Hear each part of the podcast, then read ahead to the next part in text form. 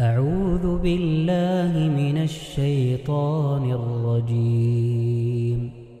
إنما حرم عليكم الميتة والدم ولحم الخنزير وما أهل به لغير الله.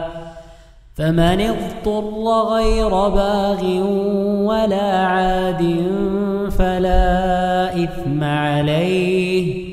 إن الله غفور رحيم.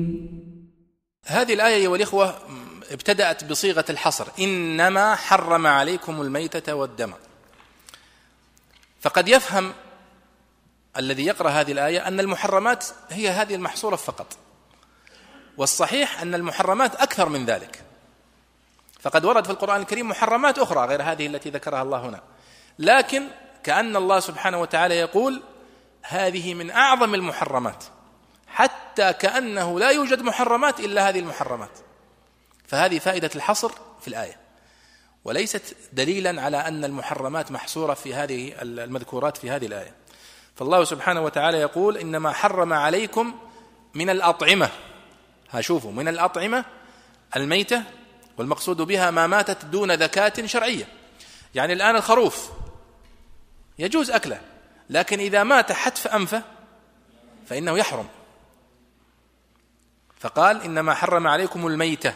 الميتة هي ما يعني ماتت حتف أنفها بغير ذكاة شرعية. وقد ذكر الله سبحانه وتعالى من أنواع الميتة في سورة المائدة وستأتي معكم. وهذه فائدة أذكرها لكم على السريع في آيات الأحكام أيها الإخوة أن آيات الأحكام أكثرها وردت في المدينة. والقليل منها ورد في مكة المكرمة. لأن المدينة لما انتقل النبي صلى الله عليه وسلم إلى المدينة استقرت الدولة فشرعت الأحكام. الصيام والحج والمعاملات. ولذلك سورة البقرة التي معنا اليوم مليئة بال بالأحكام لأنها نزلت في المدينة. ومثلها سورة المائدة مليئة بالأحكام ستأتي معكم.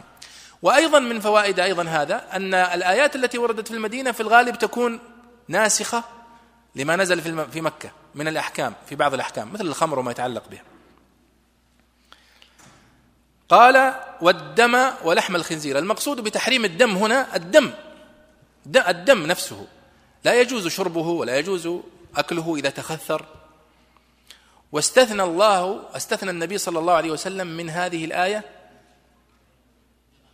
دمان وميتتان.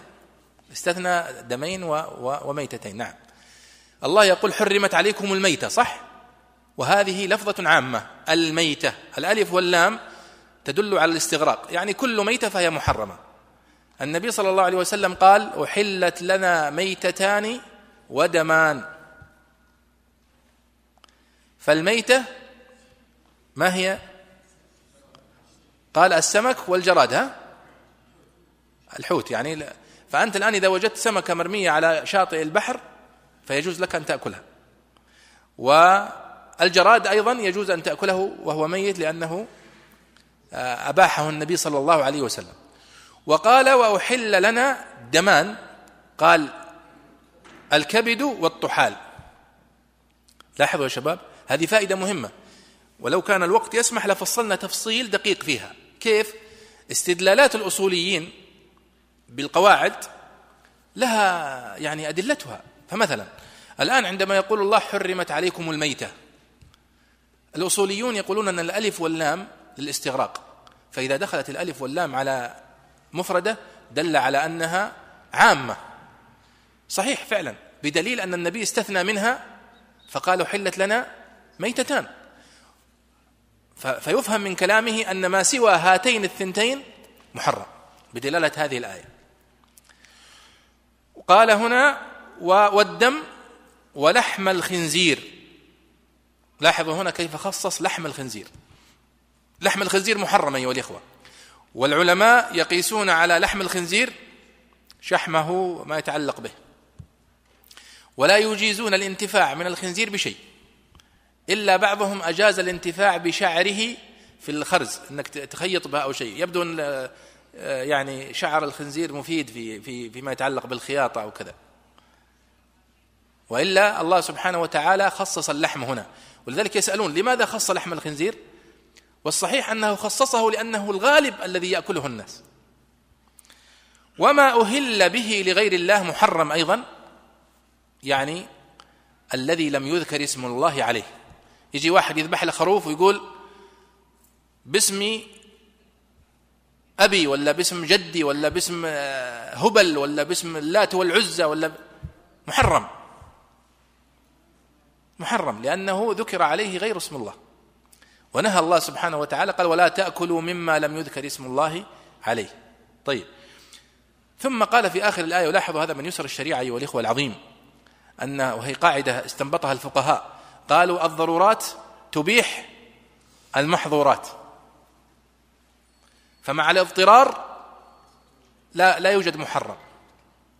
يجوز أن تأكل من هذه الأشياء التي ذكرها الله في حال الاضطرار لكن بشرطين.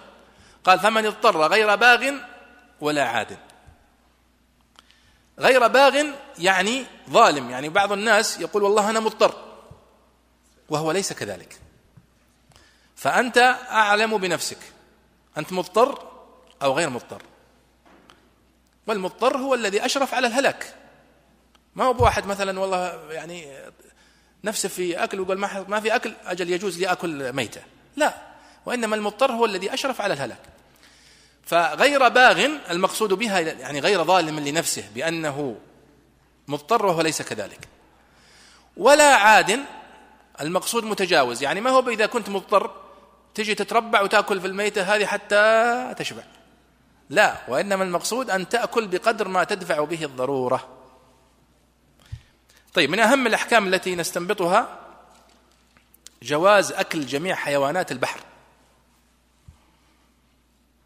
حيها وميتها.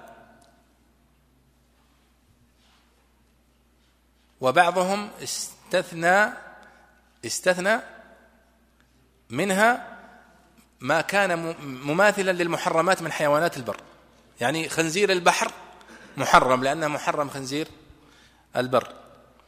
وهذا أيضا فيه نظر حقيقة لأنه الأصل كما قال الله سبحانه وتعالى أحل لكم طعام البحر متاعا لكم وللسيارة طيب ومن فوائد هذه الآية أيها الإخوة تحريم الدم وأكله.